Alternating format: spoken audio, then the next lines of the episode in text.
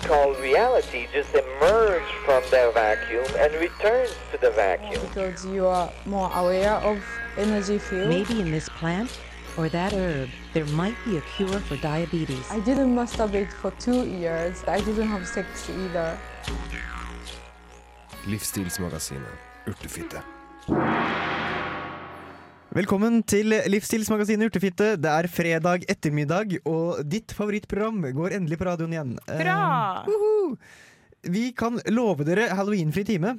Ja, eh, egentlig så burde vi jo kanskje hatt fokus på halloween her i Urtefitte, for det er jo en, i utgangspunktet en flott eh, hedensk eh, tradisjon. Ja. Men sånn som utviklinga har gått nå, med det kommersielle eh, faenskapen, jeg velger å kalle det så boikotter vi halloween her i Urtefitte. Rett det. og slett. Så vi skal snakke om helt andre ting enn halloween i Helt andre ting. Vi, Ja. Men det vi faktisk skal snakke om, det er annet David Lynch, med, som har prata om transcendental meditasjon. Ja, for han uh, mener at uh, det, å ta det inn i skolene er en god måte å bli kvitt mange av problemene der på. Ja. Spennende. I tillegg så har eh, Marte levd som buddhist en uke. Og vi skal uh, en eh, liten tur innom eh, ondt vann i tillegg. Ja, det blir spennende. Jeg gleder meg. Ja, jeg tror vi har en strålende time foran oss i dag. Og jeg føler at det er mye god energi i studio. Det Ja. er vi bra. Vi starter Følg med litt musikk. videre. Det her er Marnie Stern, 'Nothing Left'.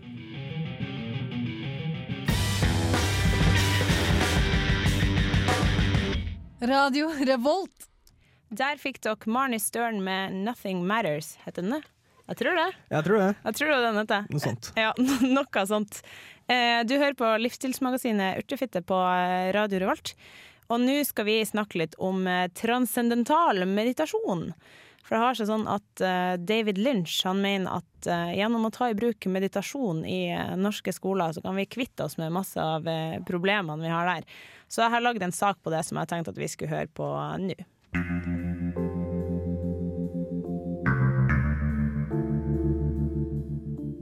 Har lenge visst at filmskaperen David Lynch er av den eksentriske typen, og at han gjerne velger å gå andre og mer uortodokse veier i sitt arbeid enn de fleste andre i samme bransje.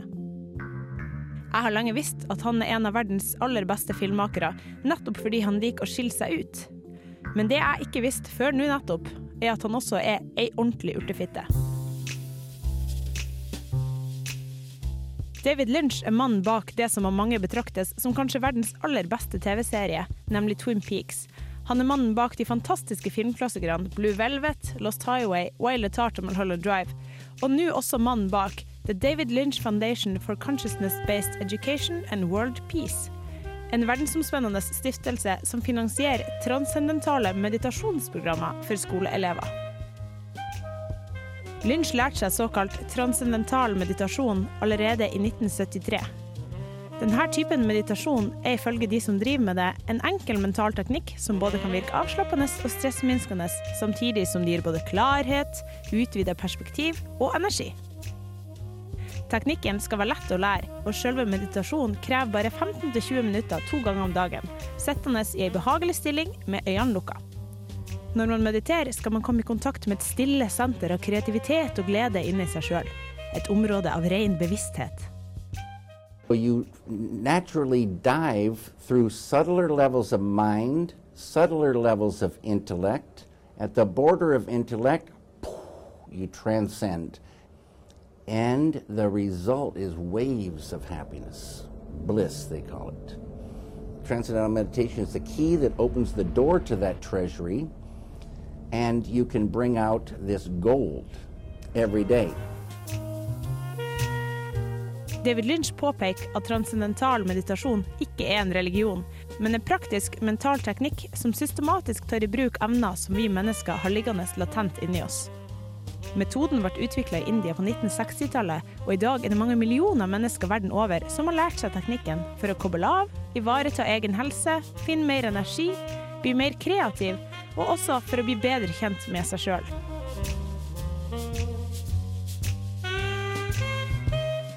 En rekke vitenskapelige undersøkelser har også vist at denne formen for meditasjon har en positiv effekt både på kropp og sinn hos utøverne. Forrige uke var David Lynch i Oslo for å fortelle om transcendental meditasjon, og for å foreslå bruken av sånn meditasjon i norske skoler. Lynch er nemlig bekymra for utdanningssystemet, og mener at skoler over hele verden har store problemer. Overflatetiltak er ikke en løsning på disse problemene, mener han, og foreslår heller å bringe meditasjon inn i klasserommet.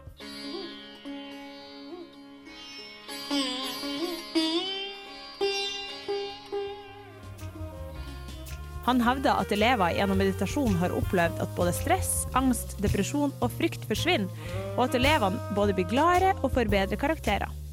Utdanninga sitt mål bør nemlig være å gi elevene muligheten til å nå sitt fulle potensial, og sånn som dagens skoler fungerer, tror ikke Lynch at det vil kunne være realistisk. Han foreslår derfor opplæring av transcendental meditasjon i norske skoler, og at det på sikt kan settes av ti minutter både på starten og slutten av hver skoledag, hvor elevene får tid til å meditere. Som student ved lærerskolen kan jeg si at jeg iallfall er for at det skjer endringer i skolen. Både for å bedre det sosiale miljøet og læringsklimaet, men også for å oppnå bedre resultater hos elevene. Kanskje er meditasjon løsninga vi har venta på. Så David Lynch er ei urtefitte, altså? Transcendental meditasjon? Ja, jeg, jeg syns godt vi kan kalle han ei urtefitte etter det her. Eh, jeg har jo på en måte satt meg litt inn i saken med transcendental meditasjon og sånn, og det høres jo egentlig, hvis jeg skal være helt ærlig, så høres det veldig spennende ut. Ja. Eh, på en måte om med ditt Bruk 10-20 minutter hver dag på å meditere for å eh, utnytte deg sjøl maksimalt, på en måte, for å få roa deg ned, for å um, få frem dine kreative emner. For å Ja, jeg syns det høres Det høres ikke så dumt ut, altså. Nei, ikke sant? Men hvorvidt det er veldig realistisk å få inn eh, ti minutter meditasjon først og sist i, i skoledagen i norske skoler, det er jeg litt mer skeptisk i forhold til, altså. Det jeg si. Ja Det høres litt farfetched ut. Jeg kan Men- si det også etter å ha prøvd å arbeide litt i både andre og fjerde klasse, at jeg, jeg tror ikke jeg har fått med meg de andreklassingene på meditasjon ti ti Nei, minutter. det kan tenke meg en utfordring. Sånn superviltre sjuåringer som plutselig skal Ja. sitte bom stille i ti Ja, minutter. sant. Du får dem så vidt til å De er ikke i ro på en måte når du leser, og de er ikke i ro når du gjør matematikk eller noen ting. Å få dem til å meditere, det, det spørs. Men eh, det hadde vært veldig interessant å se hvorvidt det kunne funka, for jeg syns det høres veldig spennende ut. Altså. Men fra transcendental meditasjon over til noe litt, litt trist. Veldig trist, for Eh, for den synske blekkspruten Paul ja, er død. Han, han er det. Ja, det er jo en, det er en ganske trist nyhet for alle urtefitter, syns jeg. Og for, For- alle dyreelskere, ikke, Ja, minst. ikke minst. Og for, for de som ikke veit hvem den synske blekkspruten Paul er, så var det den blekkspruten som klarte å spå alle VM-kampene Eller spå resultatet i VM-kampene til alle, alle VM-kampene til Tyskland i sommer. Han klarte også å spå at uh, Spania kom til å slå Nederland i finalen. Ja. Så det, det dreier seg om en blekksprut med, som du sa det så fint i sted, Magnus, en blekksprut med veldig heldige energier. Han har det. Han har det. Eller han Ja, hadde det. Han hadde det. Det var, det var før. Nå Ja, og det er, det, er, det, er en, det, er en, det er egentlig en glad, glad historie om den blek, synske blekkspruten Paul. For han øh, klarte jo da som sagt å spå alle VM-kampene til Tyskland. Ja. Og han fikk jo mye, han fikk jo kjendisstatus. Ja, han ble jo veldig kjent i, den, i det korte Han ble bare to år gammel, blekkspruten Pearl. Ja. Men det har jeg lært meg i dag at det er egentlig ikke forventa at blekkspruta blir noe mer enn to år gammel. Så han var allerede pensjonist etter VM i sommer, for han ble født i 2008. Kanskje han bare var gammel og vis og derfor klarte å spå kampene. Mm, Nei, fordi han allerede som bare et halvt år gammel, så spådde han også rett i de fleste EM-kampene til Tyskland i 2008. Så han har holdt på en stund, dreven i faget, Pearl. Men jeg tenkte jeg skulle fortelle litt om måten han, han kom frem til det her på, Ja, for det er jo litt spennende. Uh, I forkant av de her kampene, la oss, uh, før fotball-VM nå i sommer, da, så ble blekkspruten Paul presentert med to bokser foran seg med en musling i hver boks. Og så var det uh, bilde av flagget til uh, både de, de landene som Tyskland skulle spille mot på, på, eh, På boksen, ja. boksene. -hmm. Og så fikk eh, Paul velge hvilken boks han skulle spise først. Eller hvordan han skulle ta innholdet i første. Og på den måten så, gjennom å velge muslinger med flagg på, eh, så spådde han utfallet i kampene. Så den muslingen som lå i den Eller ja, den muslingen som Paul spiste først, Ja, lå i den boksen til vinnerlaget. Til vinnerlaget, ja. Ja. Rett og slett. Spennende. Men jeg Eh. tenker, nå er jo Paul død. Ja. Hva er det neste synske dyret? Vi trenger jo et synsk dyr til fotball-EM i Polen og Ukraina om to år. Jeg syns det blir litt sånn raskt etter Pøls bortgang å begynne å snakke om andre og finne et på en måte Ja, erstatning. for, for vi er ikke over Nei, døden det, til Paul det er ennå. bare snakk om Det er et par dager siden det her. Men Ja, ak- kanskje vi kan Skal vi være villige til å legge det ifra oss og tenke litt fremover i stedet? Syns du det? Ja, kanskje det. Hva med Du er klar? Er hva- du klar for det, Magnus? Ja, hva, ja, jeg begynner å bli klar for det. Og Ja. jeg sier tenk litt, Hva med for eksempel en jerv? Ja, hva med eksempel en jerv? Den synske jerven Jonas, for. Jerven Jonas, ja. Eh, Ja. Men hvordan har du tenkt at han skulle få til å spå utfallet? Nei, det var det, da. Nei. Eh, For det var jo veldig, veldig opplagt det her med muslingene i bokser i forhold til Blackspin Paul. Ja, det sa jo seg sjøl. og hva er det jerv spiser? Jeg vet ikke. For å være helt ærlig så vet jeg ikke helt om det sa seg sjøl, det her med de muslingene og Blackspin Paul heller. Nei, det er helt sant. Jeg er ganske imponert over at de, at de fikk til det. Ja. Men Ja, uh, Paul er død. Det er trist. Det her er Neil Young, 'Angry World'.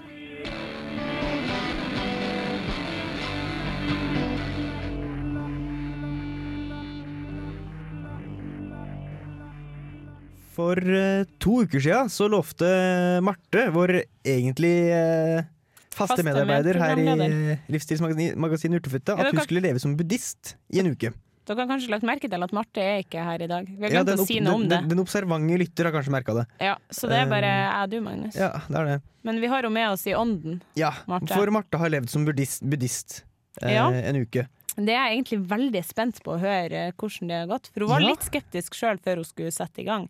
Veldig skeptisk. Når du må være buddhist, så må du jo blant annet være avholds. Så hun skulle jo opprinnelig i hvert fall ikke drikke noen ting. Jeg har hørt rykter om at det ikke gikk så bra. Nei. Skal jeg bare høre hvordan det gikk, eller? Ja, jeg er veldig spent. La oss høre hvordan det har gått med Da er det første dag av min uke som eh, buddhist. Eh, og jeg er litt sånn usikker på hva det egentlig innebærer å være buddhist. Hva er det som liksom skiller buddhistene fra vanlige folk som på en måte bare lever et skikkelig liv? Det er litt vanskelig å finne ut akkurat det. Å finne ut mer om hva buddhismen egentlig innebærer, var mitt oppdrag da jeg skulle leve som buddhist i en uke. Målet var å følge mahayana-retningen innenfor buddhismen for å oppnå nirvana. Det er mulig jeg var litt kjepphøy da jeg satte meg det som mål, men det virket jo egentlig ikke så vanskelig å klare å leve på Buddhas vis en liten stund. Det skulle vise seg at det var vanskeligere enn jeg først hadde trodd. De fem retningslinjene for etisk livsførsel, så var det at nummer én der var jeg avstår fra å skade levende skapninger. Når det, når det sies levende skapninger, så, le, så menes man da levende bevisste skapninger. Og så da tenkte jeg ok, jeg har dyr bevissthet. Ja, det har de jo. Så leser jeg litt om buddhismen og vegetarianere og sånne ting. Og ifølge den der Theravada-retningslinjen så står det at det eneste Buddha sa at de ikke kunne spise, det var menneske, elefant, hest, hund, slange, løve, tiger, leopard, bjørn og hyene. Og da tenkte jeg OK, jeg hadde ikke tenkt å spise noe av det der uansett, så da går det fint. Men eh, mahayana-delen av buddhismen, den retningen jeg skal følge, de eh, er vegetarianere. For å bryte ut av samsara, altså syklusen med liv, død og reinkarnasjon, for å oppnå nirvana, må man følge veien som leder ut av lidelsen. Den åttedelte veien har åtte trinn, og et av disse trinnene er å følge de fem retningslinjene for etisk livsførsel. Som du allerede har hørt, så er det å avstå fra å skade levende skapninger en av disse retningslinjene. De andre er å avstå fra ting som ikke er gitt deg, avstå fra seksuelle utskeielser, som f.eks. seksuelt misbruk, avstå fra ukorrekt bruk av tale, og sist, men ikke minst, avstå fra rusmidler som forkludrer sinnet. Og det siste punktet skulle vise seg å være noe av det vanskeligste for en festglad person som meg selv. Det er lørdag morgen, og jeg har noe jeg må innrømme. Jeg var eh, på Kvelertak-konsert i går, og da sklei det litt ut. Eh, fordi eh, jeg tok jo selvfølgelig da et par øl, eh, og det er vel egentlig ikke lov. Fordi ifølge de fem retningslinjene for etisk livsførsel som man skal følge når man er buddhist, så står det at man avstår fra rusmidler som forkludrer sinnet og resulterer i likegyldighet. Og da blir det bare sånn, Siden det står at det resulterer i likegyldighet, så kanskje det betyr at, at man ikke må drikke så mange at man blir likegyldig. Nei, det var et dårlig forsøk på å rettferdiggjøre mine alkoholutskeielser. Og det skulle selvsagt ikke stoppe med det ene tilfellet. Jeg har havna ut på fylla igjen, selv om jeg vet at det egentlig ikke er lov det heller. For man skal jo ikke drikke når man er buddhist. Nei, og så nå er problemet at du får ikke lov til å spise burger heller. Nei, og så står jeg på Oska, Oska kebabsjappe på Møllenberg.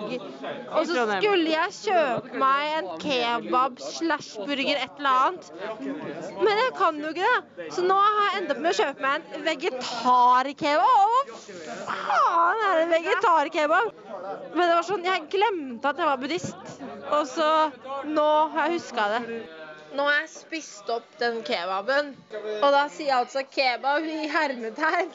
For det var jo bare salat og jævlig mye ost og saus. Det var jo ikke noe godt. Men sånn er det når man er buddhist. Man må ofre seg for eh, Man må ofre seg for å bli et bedre menneske. Ja da!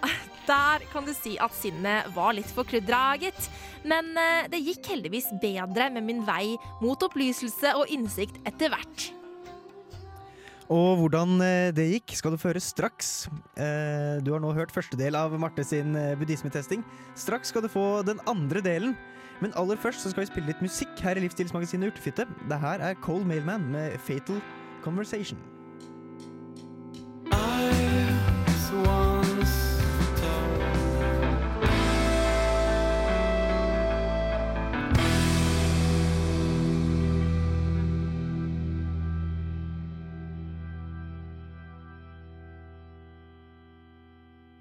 Ja, nå er det mandag morgen, og i helgen så skeier jeg jo ganske heftig ut med fylla både fredag og lørdag. Eh, derfor eh, har jeg bestemt meg for å på en måte prøve å meditere, for å liksom styrke min eh, kanskje forståelse for hva det er å være buddhist. da. Og jeg har lest meg opp litt om meditasjon i mahayana-buddhismen. Og det er veldig mye forskjellig, for mahayana-buddhismen rommer så veldig mange forskjellige retninger. da. Men jeg har funnet ut at det er mange som bruker mantraer for uh, å meditere. Om tare tu tare ture svaha. Om tare tu tare ture svaha. Mahayana-buddhistene jobber for at alle mennesker skal oppnå innsikt. Og en stor del av deres tro vies til de som kalles bodhisattvaer. Bodhisattva er en som har oppnådd innsikt, men har valgt å avstå fra å tre inn i nirvana for å hjelpe å frigjøre alle vesener fra syklusen med fødsel, død og reinkarnasjon. Mantraet jeg resiterer her, er en slags påkallelse til den grønne Tara, bodhisattvaen for medfølelse. Og ved å resitere mantraet så spør jeg om hennes velsignelse, samtidig som jeg ber om at hennes gode kvaliteter skal bli brakt frem i meg selv også. Og det er nok noe jeg trenger. Nå har jeg, jeg har resitert et mantra i en halvtime. Og det er veldig beroligende. Men jeg vet ikke helt om jeg har fått noe mer innsikt og mer forståelse av meg selv og livet, egentlig. Nei, det må nok sikkert mer enn en halvtime til for at jeg skal bli et bedre menneske. Og utover uka så mediterte jeg flere ganger med forskjellige mantraer. Det er utrolig behagelig å meditere. Man får en sånn ro i seg. Jeg vet liksom ikke om jeg kommer til å oppnå nirvana av å, av å meditere, akkurat. Men man får en sånn ro inni seg som sikkert hjelper til, da. Det var ikke så lett som jeg først hadde trodd å være buddhist. Men det er egentlig ikke fraværet av alkohol og kjøtt som gjør det vanskelig. Det som ikke er så lett, er å nå frem til denne tilstanden av stabil og varig sinnslikevekt og klarhet. Og ikke minst dette med vilkårsløs medfølelse og ubetinget glede. Jeg må klare å frigi meg selv fra sinnsgifter som forutinntatthet og inngrodde vanemønstre av grådighet, hat, arroganse og misunnelse. Og det er faktisk mer vanskelig enn du tror. For én ting er å la være å agere ut disse tankene. En annen ting er å ikke få dem i det hele tatt. Så derfor er nok veien til nirvana hard og lang. Og et spørsmål er jo helt klart om man i det hele tatt tror på at nirvana eksisterer. Men hvis man gjør det, så er én ting i hvert fall sikkert. Meditasjon må være veien å gå, for noe mer beroligende og avslappende skal du lete lenge etter.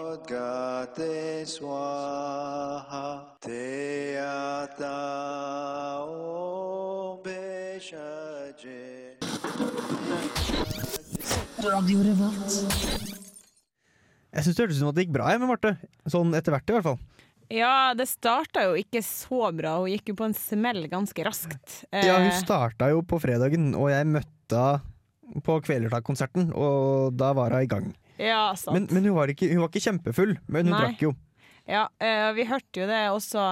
Eh, det er tydelig eh, at alkohol forkludrer sinnet, i hvert fall til en viss grad. Ja, vi hørte det fra den kebab-hendelsen. Ja, det virka sånn. Det husker jeg også fra når jeg sjøl for noen uker siden var veganer. Når man Mhm. ikke spiser kjøtt, og egentlig er vant til å gjøre det, så, å bli litt full, så har man fryktelig lyst på kjøtt. Ja, det kan jeg tenke meg. Ja, så det, det virka som om Marte også hadde veldig lyst på kjøtt når hun var litt full. Ja, det gjorde det. Uh, hun klagde jo fælt på den kebaben med ost. Jeg tenker, kebab med ost? Men går det ikke an å få sånn falafel, da? Hvorfor spiste hun ikke det? Jeg forstår ikke. Det Marte, Marte, Marte. Vegetarianer nybegynner. Ja, det, jeg spiste jo og lagde jo mine egne falafler til og med. Ja, nettopp. det, hun kunne ha lært noe. Hun skulle ha ringt til meg og spurt, bare. Ja, det her er svakt. Men uh, hun kom seg jo etter hvert, Jo, det gjorde hun jo. og begynte å meditere. Ja, det virka jo nesten som om hun hadde et visst utbytte av den meditasjonen. Og den sendinga begynner å bli litt som meditasjonssending. Nå Ja, hadde vi det- først David Lynch som anbefalte transcendental meditasjon for barn. Og egentlig også- også, i alle aldre, Ja. men spesielt for barn. Men kanskje Marte også ville anbefalt Det virka jo som hun anbefalte meditasjon. Ja, og jeg kan også faktisk si det etter å ha gått på et eh, ti ukers yogakurs i fjor. Litt urtefitta av meg, men det må være lov. Ja, sånn må Eh, ja, eh, og da, etter hvert, så begynte vi å bevege oss inn på meditasjon, og det er fryktelig behagelig, altså. Det er det. Jeg kan tenke meg det, For, for da, da kobler man jo helt ut, ikke sant? Ja, ja, ja. Det er Og- nesten så du, nesten så du sovner, for du blir helt sånn der Etterpå, når vi på en måte hadde drevet på med det en halvtime, så var jeg ikke sikker på om jeg, om jeg hadde sovet. Det er, veldig, det er litt spesielt, men så blir du veldig sånn avslappa, da. Hvis du får det til. Så jeg tror, hvis du lærer deg noen sånne teknikker, så tror jeg absolutt eh, at det har noe for seg. Mm. Selv om eh, man kanskje ikke nødvendigvis eh, oppnår eh, nirvana eh, gjennom å meditere et par ganger i uka. Nei, nettopp. Men Marte nevnte jo på slutten av reportasjen sin at én ting er å leve som buddhist en uke, en annen ting er å faktisk jobbe for å nå nirvana. Ja, Det er nok sant. steinhardt, tror jeg. Ja, det er ikke helt det samme. Nei, Eh, altså Da må man jo my gå mye med tanker og, og ting som skal gjøres i tillegg til bare det å spise eller være vegetarianer og ikke drikke. ja, det, jo, det handler jo om en livsstil. Det er jo snakk om Mm. hvordan du forholder deg til, til hele til verden rundt deg. Hvordan du forholder deg til eiendeler, hvordan du forholder deg til mat, til tankene dine, til måten du er på. Så det Kanskje vi også skal prøve, Magnus, å være buddhist en gang. I hvert fall eh, jeg, tenker, jeg tenker jeg burde i hvert fall begynne å ta opp medita meditasjon, for det tror jeg kan være Ja, kanskje vi skulle ha gått på sånn kurs i transcendental meditasjon. Kanskje det? Kanskje vi vært skulle tatt en telefon til eh, David Lynch? Det jeg er interessert. Ja. Men aller først skal vi høre litt musikk. Det her er uh, Grinderman, Mickey Mouse and The Goodbye Man. Det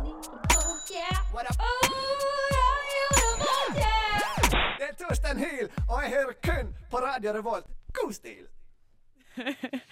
Nettopp. Um, vannforskning er en corny gren innenfor forskningsverdenen, Ingrid.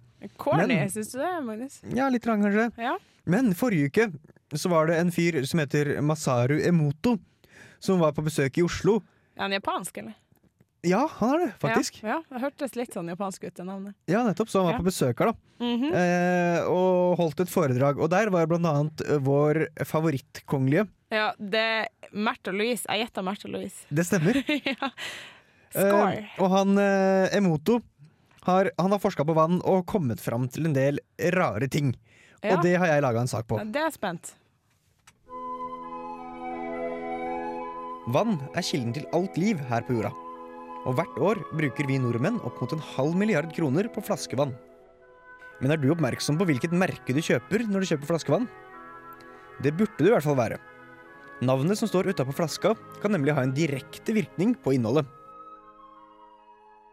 Ifølge den japanske forskeren Masaru Emoto har nemlig vann hukommelse, og kan derfor bli påvirka i enten positiv eller negativ retning av sine omgivelser.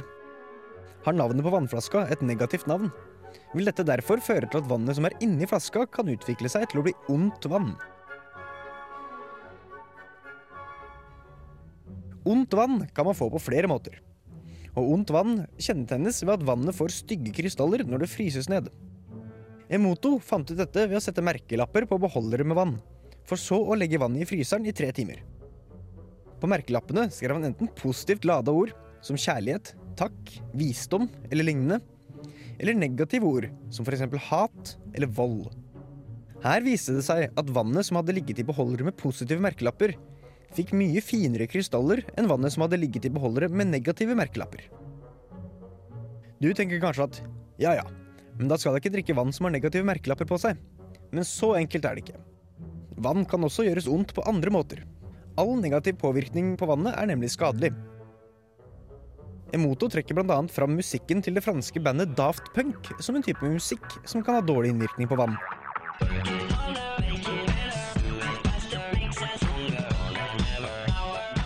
Å banne eller si negative ting i nærheten av vannet er heller ingen god idé. Emoto legger stor vekt på at det er kraften av negativitet som har denne ugunstige påvirkninga på vann. Men han trekker fram at negative ord og tanker også har negativ innvirkning på andre ting. I dagens samfunn er det ett produkt som utmerker seg med spesielt mange negative ord på innpakninga. Sigaretter. I de aller fleste land har man begynt å merke sigarettpakkene med advarsler som at røyking dreper, og andre uheldige helseeffekter ved røyking. Og ifølge Emoto er disse advarslene selvoppfyllende profetier. Når man skriver negative ting på røykpakkene, påvirker dette sigarettene i negativ retning, slik at de faktisk blir mer helseskadelige. La oss se på litt statistikk. Fram til 1970-tallet var det relativt få registrerte dødsfall som ble knytta opp mot røyking. La oss høre et eksempel på en sigarettreklame fra 1950-tallet. There's a wonderful world of softness, a wonderful world of freshness. It's the wonderful, wonderful, wonderful world of Salem cigarettes. Siden den gang har fokuset på røyking blitt stadig mer negativt. Og i dag er det sjelden man hører positive ting om røyking i mediene. Hver eneste sigarett skader deg. Hvert eneste trekk skader lungene dine. Er det rart at en som røyker, blir kortpustet? Lungene ødelegges gradvis. Er det da noen overraskelse at man stadig oftere hører om røykerelaterte dødsfall? Statistikken viser at etter hvert som retorikken rundt røyking har blitt mer negativ, har andelen dødsfall knytta opp mot røyking vært stigende. Dette støtter også opp om Masaru Emoto sin teori om at negative tanker og ord har en negativ innvirkning på kvaliteten på vann. Så neste gang du skal kjøpe en flaske med vann på butikken, kan det kanskje være en god idé å være litt mer kritisk enn hva du ellers ville ha vært.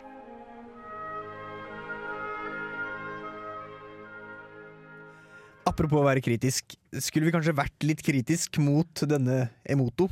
Nei, det syns jeg ikke. Han har jo virkelig funnet frem ordentlig gode beviser på at det her eh, faktisk stemmer, Magnus. Ja, det er helt sant. For han, han forska jo på vannet, Ja. og han fant jo krystaller.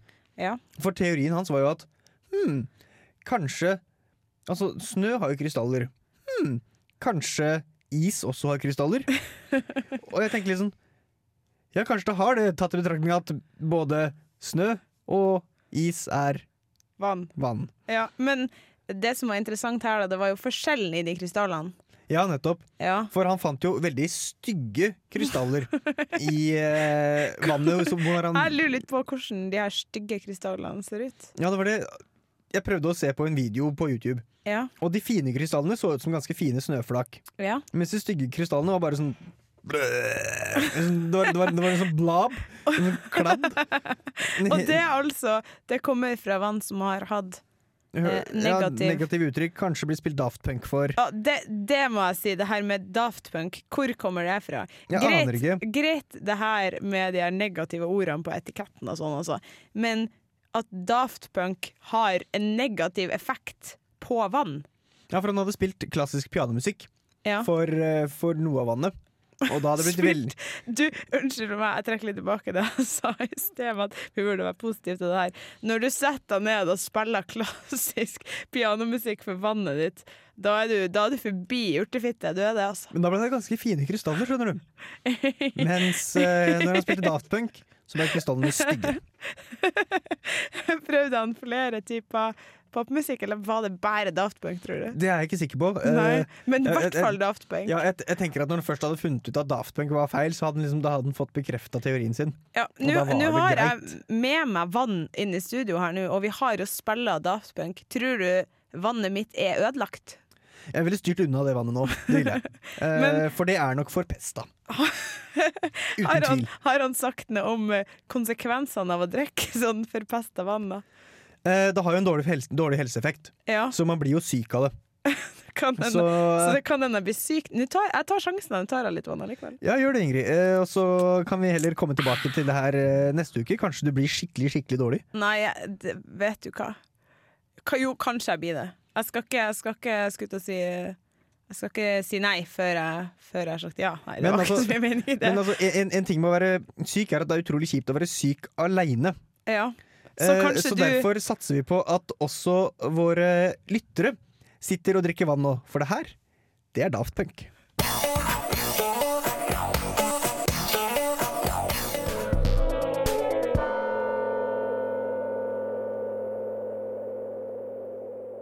Du hører på Radio Revolt, studentradioen i Trondheim. Det var Daft Punk med Aerodynamic, og vi i Livsstilsmagasinet Urtefitte har gjort alt som står i vår makt til å ødelegge våre lytteres drikke. jeg håper, jeg, Hvis dere er fornuftige nå, så kaster dere det vannet dere har i glassene, og så bytter dere det ut, ellers så blir dere sjuke neste uke. Eller så drikker dere vannet, sjekker om dere blir syke, og hvis dere blir det, så sender dere en mail til urtefitte at radiorevolt.no. Ja, det er vi Og så sier interessert i dere å fra høre. om det. Vi er åpne for å bli saksøkt i forhold til det, for det var litt dårlig gjort, Magnus.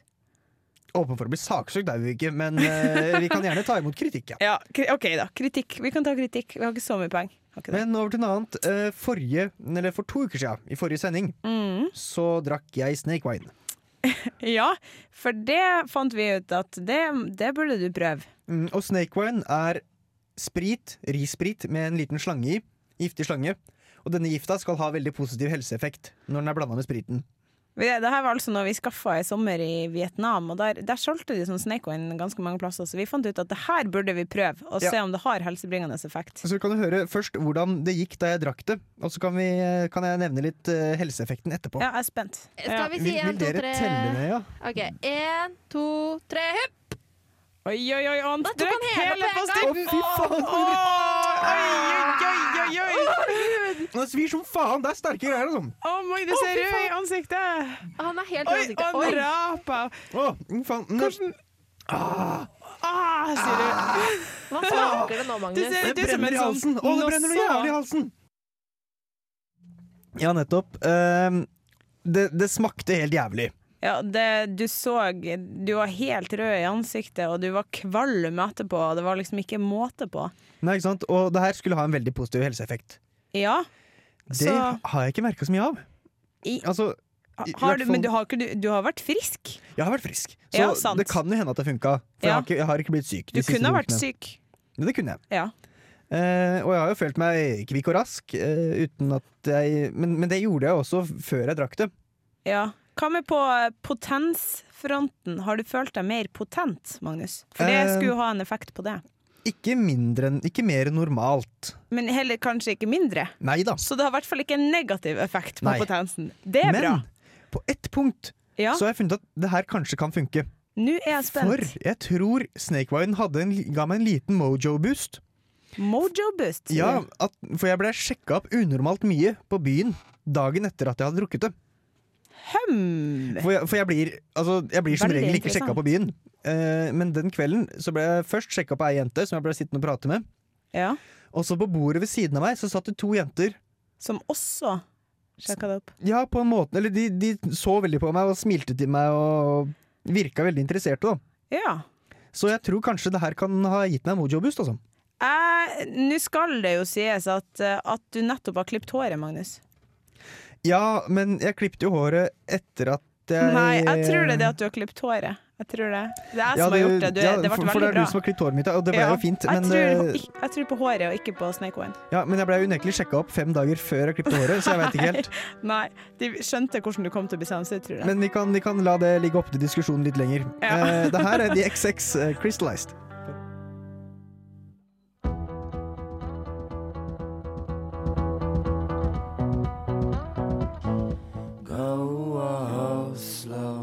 Hører på Radio Revolt, studentradioen i Trondheim. Klokka nærmer seg faretruende fire, Ingrid. Og Livsstilsmagasinet nærmer seg vi må, begynne å takke, vi må begynne å takke for oss, rett og slett. Oppsummere litt. Kanskje en liten oppsummering. Vi har vært innom eh, medit Meditasjon har jo vært ja, en, et gjennomgangstema i dag. Veldig positivt forhold til meditasjon etter denne sendinga. Kommer til å gå inn i helga med, med plan om å få meditert litt. Ja, men det tror jeg er smart. Meditasjon anbefalt både David Lynch og Marte Hedenstad. Ja. I tillegg så har vi vært innom Ondt vann, som bare er ja Pass på vannet deres ikke- i nærheten av Daft Punk. Ikke snakk vondt om ditt, nei, vannet ditt, for da blir det, da blir det dårlig. Ja. Eh, vi må avslutte med å takke vår tekniker for i kveld, Harald, som har styrt eh, teknikken utmerket. Veldig Vi bra. sier ha det bra. Det her er Rai Rai med 'Sunshine'. Ha det bra.